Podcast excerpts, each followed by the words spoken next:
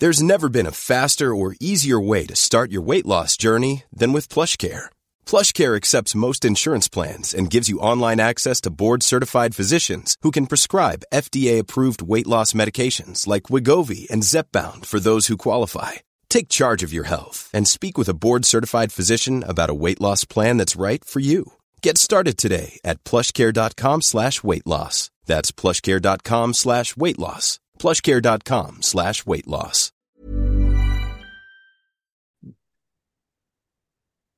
Halo pendengar GGMI Podcast, baik lagi bersama kita berdua dan sembari menunggu pertandingan terakhir kita di Liga Inggris melawan Fulham di pekan ke-38, kita mau menyelingi dulu nih episode ini dengan salah satu rumor transfer yang kalau bisa kita lihat nama pemain yang dibahas ini terhitung dari tahun 2021 secara episode terpisah ataupun digabungin dengan pemain lain, mungkin udah ada 3 sampai lima kali kita ngebahas ini gitu. Dan tidak bosan-bosannya kita akan membahas rumor yang beberapa hari ke belakang cukup ramai terkait dengan Declan Rice yang diisukan akan dipinang oleh Manchester United yang ternyata punya banyak persaingan. Nah, Vin, melihat rumor MU yang kembali lagi setiap musim dikaitkan dengan Declan Rice dan untuk kali ini gimana tanggapan lu, Vin? Ya, gue bosen sih gitu gitu. Gue bosen sama rumor Declan Rice karena memang pemain ini oke okay, gitu, bagus. Meskipun menurut gue lagi-lagi pemain Inggris itu overpriced semuanya. Apalagi kalau dihubungkannya sama MU. Itu sama pemainnya tuh langsung mahal-mahal semua. Nah, Cuma memang musim ini adalah musim di mana menurut gua uh, West Ham ini harus menjual Declan Rice karena kontraknya tinggal setahun lagi 2024 habis. Meskipun ya ada opsi satu tahun diperpanjang jadi sampai 2025 jadi memang paling bagus tuh dijual di musim ini. Nah cuma kalau melihat dari kebutuhan MU sendiri pada saat ini gue melihat udah mulai berkurang apa ya urgensi untuk membeli seorang Declan Rice. Karena memang Casemiro pun udah ada sejak musim ini gitu. Dan um, apa ya kayak Casemiro masih in prime. Nah Declan Rice juga masih in prime gitu. Kayak nggak mungkin Declan Rice ini mau untuk jadi cadangan kan? Kemarin kita sempat bahas Romeo Lavia dan Caicedo. Itu masih ada possibility lah Lavia jadi backup masih oke. Okay. Caicedo pun kalau nggak jadi backup dia masih bisa bermain di sebelah Casemiro Cuma kalau Rice ini posisinya bener-bener sama persis gitu. Jadi inilah satu hal yang mungkin membuat kebingungan apakah nantinya bakal saling menggantikan atau ya bermain bersamaan gitu. Dan kalau bermain bersamaan apakah tidak terlalu apa ya mungkin terlalu defensif ya karena sama-sama defensive midfield keduanya gitu. Hmm, Cuma memang memang satu sisi kita ngelihat Casemiro ternyata bagus juga kalau bermain agak apa ya eh higher up gitu loh agak ke depan. Kayak kemarin pas lawan Chelsea kan dia juga sering maju ke depan dan dia bisa ternyata bikin um, pre-assist ya ke Jadon Sancho dengan no look Iya. pas kayak gitu. Dan itu ternyata kayak oh ternyata Casemiro kalau misalnya agak majuan dikit tuh dia bisa gitu. Dan Rice juga sebenarnya nggak saklek di nomor 6 gitu. Dia bisa menjadi nomor 8 ball carrying gitu yang maju ke depan eh, apa dengan passingnya atau dengan dribblingnya gitu. Jadi kayaknya memang ini pemain agak high eh, Casemiro dan Rice ini agak mirip gitu. Defensive midfield yang hybrid yang nggak cuma saklek di 6 doang gitu. Meskipun kalau secara formasi jadi kayak defensif banget sih gitu. Mhm, Oke, Tadi gue sempat menggarisbawahi ya kata overpriced yang biasanya itu kalau kita ngomongin main Inggris selalu memiliki korelasi dengan overrated juga gitu. Jadi ini dua hal yang seolah-olah tuh menjadi kawin gitu. Dan kita sering lihat ya pemain-pemain Inggris yang harganya tinggi tapi tidak dibarengi dengan kualitas. Contoh deh, kayak bisa kita melihat pada diri kita sendiri, kita pun bisa berkaca tentang bagaimana transfer Harry Maguire yang sekarang udah masuk ke saya bisa bilang musim ketiga keempat ya yang menunjukkan gelagat-gelagat yang tidak sama sekali mungkin kita bisa anggap dia worth untuk dihargai 80 juta pound segitu kan. Nah, ini kan suatu hal yang jadi anomali karena kita nggak mau mengulangi kesalahan sama yang kita lakukan dengan Harry Maguire, dengan Aaron Wan-Bissaka gitu kan. Terlepas mungkin Wan-Bissaka sekarang mulai Excel tapi gue tidak sama sekali mengatakan dia layak untuk dikasih price tag di angka 50 gitu. Nah, lo melihat Rice ini adalah anomali dari Maguire dan juga Wan Bisaka atau punya potensi untuk menuju ke sana karena kita pun kayaknya akan winning winning bidding war nih dengan Arsenal yang diberitakan juga dalam posisi frontliners gitu kan. Apalagi ditambah Granit Xhaka yang udah resmi pindah ke Leverkusen di mana kebutuhan akan nomor 6 sebenarnya secara urgensi Arsenal lebih butuh sebenarnya kalau misalnya kita lihat secara formasi ya gitu. Nah, lu lihatnya dua pertanyaan ini seperti apa, Vin? Iya, kalau misalnya kita bicara mengenai rival ya, itu memang Arsenal lebih butuh. Karena Thomas Partey juga udah mulai apa ya, dia bagus tapi availability-nya dan juga mungkin usia ya, dia udah masuk ke 29 yang kayaknya uh, udah mulai agak menurun gitu. Meskipun dia masih bagus ya gitu, tapi kayaknya dia lebih oke untuk dicadangkan daripada Casemiro kasarnya gitu. Jadi dia butuh untuk nomor 6 gitu. Apalagi Jorginho pun udah ketuaan, dia masih oke juga jadi backup. Jadinya Arsenal ini sangat butuh yang uh, primary nomor 6 gitu. Dan kalaupun party di sana, ya Shaka pun juga udah mulai udah bakal cabut anyway. Jadi mungkin ya memang ya udah bisa aja main bareng gitu kayak Rice dengan Party, Rice dengan Jorginho gitu. Ya meskipun agak defensif tapi somehow Rice ini bisa memberikan security lah di lini tengah. Bagaimana kita lihat setiap West Ham bermain melawan kita pun Rice selalu menjadi apa ya kayak di lini tengah itu menjadi pemain yang menghajar kiri kanan dan juga apa ya kasarnya yang punya lini tengah lah itu dikuasai sama Declan Rice sendirian gitu. Nah um, tadi balik lagi mengenai uh, overprice ya. Iya again ya lagi-lagi ini kan masalah kita Harry Maguire 80 Wan bisa ke 50 dan Anthony 100 ini kan sebenarnya bukan overprice yang gimana ya tapi lebih kepada bagaimana MU jelek dalam melakukan negosiasi. MU memposisikan diri di mana MU kelihatan butuh banget gitu loh. Itu bodohnya gitu loh. Bodohnya adalah kita di posisi yang sangat butuh dan tim tersebut di posisi yang tidak butuh. Jadinya kita dimain-mainin harganya, ya kan? Ya Anthony awal harga 50 jadi 100.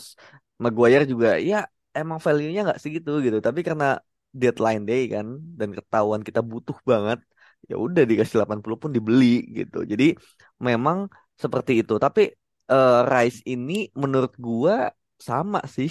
Dia dihargai 120 men.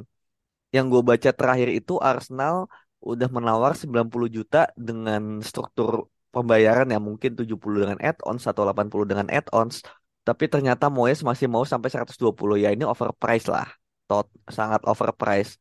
Jude Bellingham aja 100 kan. 100 udah sama add-ons kan. Apa 100 belum sama add-ons gitu. Itu Jude gitu. Ini Declan Rice man yang apa ya? Enggak lah, enggak 120 menurut gua. Harusnya 100 mentok udah sama add-ons gitu. Mungkin 80 plus add-ons itu aja udah udah gila gitu. Menurut gua Mhm. value dia tuh 60, 60, 65, Hmm. 70 gitu. Cuma ya lagi-lagi ya gua dengan rumor ini 120 gua sangat sangat nggak yakin MU bakal bayar segitu lagi sih. Kecuali Mhm. memang ternyata udah resmi Qatar yang beli ya. Kalau udah Qatar yang beli siapa pun juga tiba-tiba bakal datang anyway sih. Iya, iya, iya, iya. I see, I see. Oke, tapi gini, em, gua melihat Declan Rice dan ini kayaknya perbincangan yang belum pernah kita sempat bahas dan gue pengen eh, ngebuka ini gitu. Kalau misalkan Rice yang sekarang usianya 24 dan by the way Rice itu masuk ke Akademi West Ham dari tahun 2013 jadi udah hampir kurang lebih udah puluhan tahun lah ya dia udah di sini gitu kan. Nah pertanyaan yang paling gua selalu soroti pada pemain-pemain tipikal Rice adalah kalau dia tidak cepat pindah dia akan memiliki kurang lebih karir yang mirip dengan Harry Kane di Tottenham gitu. Dia main bagus, tapi kalau dia nggak di quote unquote ya diselamatkan oleh tim yang bisa ngebawa dia meraih trofi gitu. Walaupun mungkin sekarang Sam berjuang di conference ya untuk kalau masalah final kan segala macam. Tapi kalau kita banding conference league dengan dan Rice yang udah menyatakan kalau dia pengen bermain di Champions League gitu kan dan belum pernah kan dia main di Champions League gitu sampai sejauh ini gitu. Menurut gue takutnya dia akan jadi waste talent gitu. Dia akan ikutin jejaknya Kane yang dikasih ban kapten, dia menjadi Messiah gitu. Karena ujungnya usia tiba-tiba udah angka 29 aja gitu. Jadi nggak bisa ke mana-mana lagi gitu. Karena satu dia mungkin udah uh, over prime, dua harganya juga nggak turun-turun gitu. Apalagi ditambah dengan kalau Kane diperparah dengan eh, apa namanya uh, CEO-nya Tottenham yang sangat kayak tahu ya betapa beruntuknya dia gitu kan. Nah lu melihat Rice ini kalau nggak pindah di musim ini, maka potensi dia untuk ikutin jejaknya Ken akan terwujud nggak selain daripada sama-sama dari tim Inggris ya gitu. Dalam berarti dia ber berpaspor Inggris gitu. Eh iya, iya memang sih kayak em, agak menyayangkan juga ya kalau Declan Rice ini nasibnya bakal sama Kane gitu meskipun em, ya tadi udah sama ya sama-sama dapat ban kapten.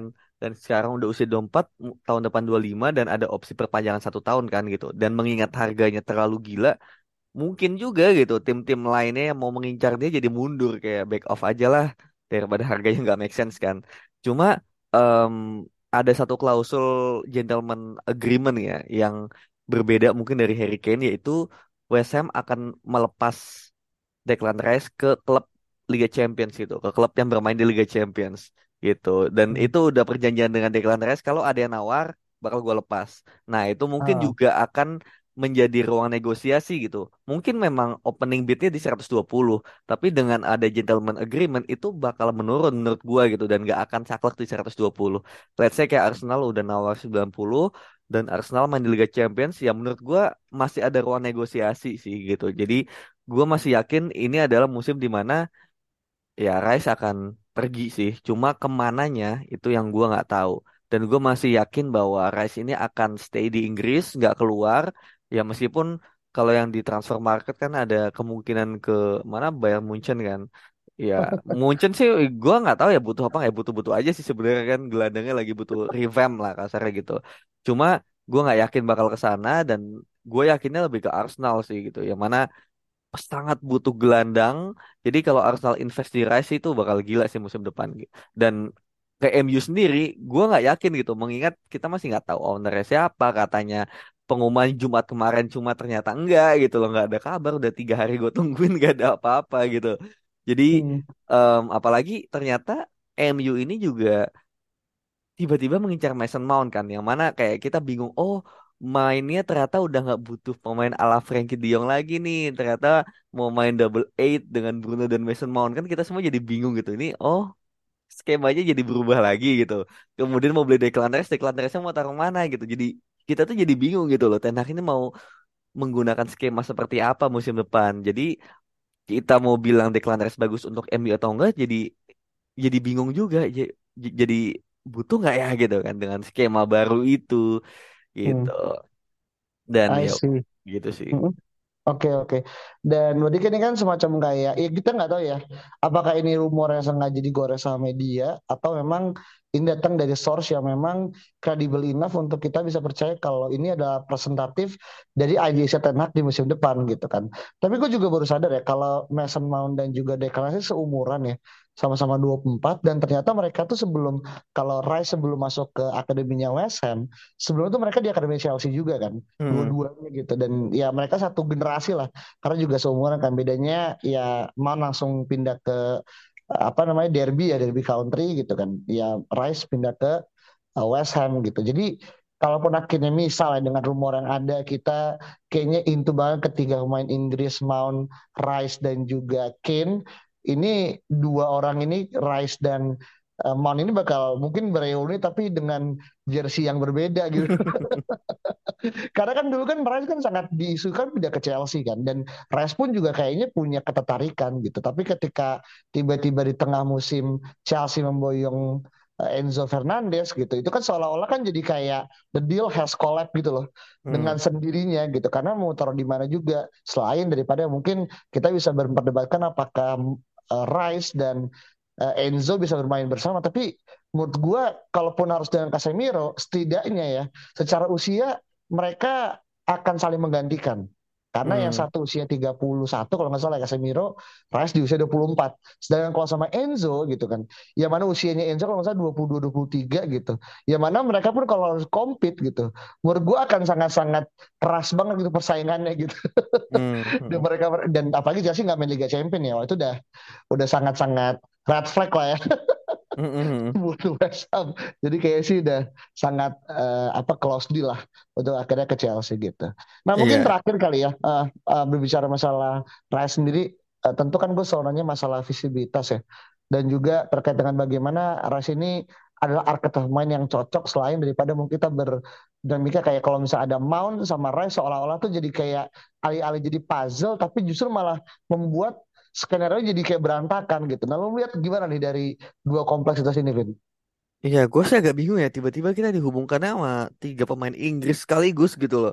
Mason Mount, Declan Rice dan juga Harry Kane gitu. Dan katanya mau menjadi paket gitu kan, paket tiga pemain gitu kayak buset deh. Ini uh, awal-awal kan gue sempat bilang ya gue nggak mau beli pemain Inggris lagi karena overrated gitu dan overpriced tiba-tiba tiga pemain ini gitu ya bayangin aja lo uh, let's say Rice dapat 100 Harry Kane 100 Mason Mount 50 250 cuma buat tiga pemain doang gitu kayak wasted lah gitu. Gue gue sih nggak mau ya kalau misalnya caranya seperti itu. Gue mending kita mencari dari negara lain gitu atau di Inggris tetap tapi pemain lain gitu loh yang memang bagus kayak gitu. Ya let's say kayak kayak Declan Rice ya menurut gue daripada Rice ya gue mending Caicedo sih gitu. Dan menurut gue tipikalnya juga mirip juga bagaimana dia bermain di lini tengah sama-sama bisa di DM bisa CM ball carrying juga bisa dictating juga. Ya meskipun dictatingnya juga nggak ini ya nggak elit ya bukan ala-ala Toni Kroos sama Luka Modric tapi mereka um, apa ya bisa pegang bola lah kasarnya gitu. Nyaman dengan bola juga gitu. Jadi Rice sama Caicedo ini mirip Cuma memang Caicedo lebih muda ya 21 tahun dan mungkin uh, pengalamannya masih kalah daripada Rice dan juga uh, leadershipnya lebih bagus Rice gitu. Tapi kalau misal harus memilih, gue lebih milih Caicedo gitu daripada Rice yang memang harganya udah segitu gitu. Caicedo I think bakal dihargai 80 gitu. Huge price kalau kata Roberto De Zerbi kan. Di musim nanti, musim panas nanti bakal dihargai seperti itu. Jadi Gua nggak merasa ini sebenarnya adalah benar-benar keinginan Ten Hag sih menurut gue ya. Kalau Mason Mount masih mungkin karena profil yang seperti itu sedikit dan gue jadi mungkin ini ini out of topic dikit ya. Kita kan waktu itu bingung ya, kenapa Alexis McAllister ini diincar sama MU ya kan? Dan lu sempat tanya dan terus gue bilang gue bingung sama berita ini. Dan mungkin dengan skema Ten Hag yang menginginkan double eight di musim depan jadi make sense itu pemain seperti Mason Mount seperti Alexis McAllister gitu. Yang mana kita kan sempat bilang mereka ini pemain nomor 8 nomor 10 yang tipikalnya adalah menerima bola di sepertiga akhir dan akhirnya nanti bisa mencetak gol atau eh, membuka ruang gitu. Dan ternyata dengan rumor Ten Hag mau bikin jadi double eight jadi make sense gitu loh Alexis McAllister ini gitu. Dengan adanya Mason Mount yang dikabarkan ya Alexis McAllister juga make sense kemarin gitu. Jadi memang pada akhirnya um, pemain seperti Mount ini kan agak jarang ya. Mount kemudian McAllister yang gue bilang mirip juga sama uh, siapa? Donny van de Beek kemudian Thomas Muller juga gitu. Jadi memang uh, ini make sense gitu. Karena McAllister udah mau ke Liverpool Muller juga nggak mungkin cabut Van de Beek pun masih sepertinya kesulitan untuk beradaptasi jadinya pemain seperti Mason Mount ini yang harapan ya nanti akan menggantikan Fred ya untuk jangka panjang ini jadi make sense gitu. Karena profilnya sedikit yang available gitu dan Mount ini kan lebih ke bargain ya. Bagaimana kontrak tinggal setahun mau dibuang Chelsea juga pemainnya juga udah mau cabut minta kenaikan gaji karena dia under appreciate gitu kan gaji cuma 80 ribu gitu. Itu cuma beda lima ribu lebih mahal daripada Phil Jones gitu loh. Itu kan kayak di apa ya dipermalukan lah kasarnya gitu.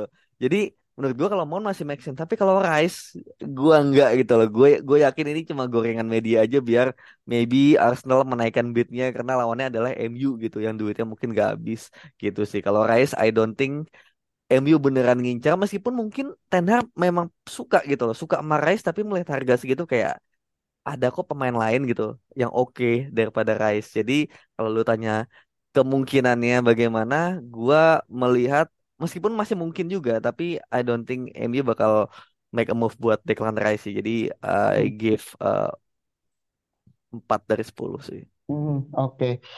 Gue lupa ya, set, apakah Saung tuh tipikal yang banget atau enggak. Cuma karena dia nggak ada, jadi kita nggak punya counter argumen. Kalaupun dia akan memberikan nilai 8 ya. Lu aja. Misalkan, tapi misalkan kayak misalkan kayak Kaseido, yang mana gue pun juga akhirnya kalaupun harus memilih secara potensi usia, secara uh, room sailing, memang Kaseido memiliki cara yang bahkan kita bisa lihat dia punya potensi gitu karena udah terbukti banget di arahan pelatih yang tepat kasih itu bisa menjadi monster gitu. Dan gue cukup yakin Tenak adalah orang yang cocok untuk bisa ngebuat uh, apa namanya Kasedo bahkan jauh lebih bagus lagi dari apa yang sekarang gitu. Tapi masalahnya adalah gini, gue lebih masalah sentimen kali ya. Kayak ketika akhirnya Kasedo didatangkan sama MU gitu kan, di angka 80 atau bahkan 70 gitu. Gue takutnya malah kita seolah makan udah sendiri karena kita pernah menolak membeli dia di angka 20-an gitu. dan ini kan kejadian sama kayak Paul Pogba dulu ketika akhirnya kita melepas dia gratis dan menebus lagi di angka 80, 85 kalau salah ya segala macam gitu. Jadi kadang hal-hal ini yang mungkin ya bodo amat kalau bisa punya uang mah silakan silakan aja. Cuman ini jadi kayak presiden presiden buruk untuk uh, transfer plannya MU gitu. Dan ini ya akhirnya membuat gue jadi kayak berpikir apakah MU mau mengulangi kesalahan yang udah dua kali kita lakukan di Paul Pogba atau justru malah kita merasa ya udah deh kita mau coba gambling another time tapi dengan hasil yang lebih baik gitu. Nah ini yang mungkin uh, kalaupun nanti ada rumornya Casado ya ketika udah mulai masuki musim eh tahun bulan Juni kan karena kan Juni kan semua Liga Inggris sudah selesai notabene gitu kan. Jadi kita lihat seberapa kencang rumor dan seberapa tinggi MU akan mulai bergerak dengan kepemilikan yang masih tanda tanya gitu. Dan nanti kalau teman-teman akhirnya ada poin berbeda, silakan langsung aja reply uh, di tweet Twitter ini dan jangan lupa kasih bintang 5 dan follow Spotify kita dengan nama GGM Podcast. Itu aja. Kita ketemu lagi pada episode berikut ya. Bye bye. Hey, it's Paige DeSorbo from Giggly Squad. High quality fashion without the price tag. Say hello to Quince.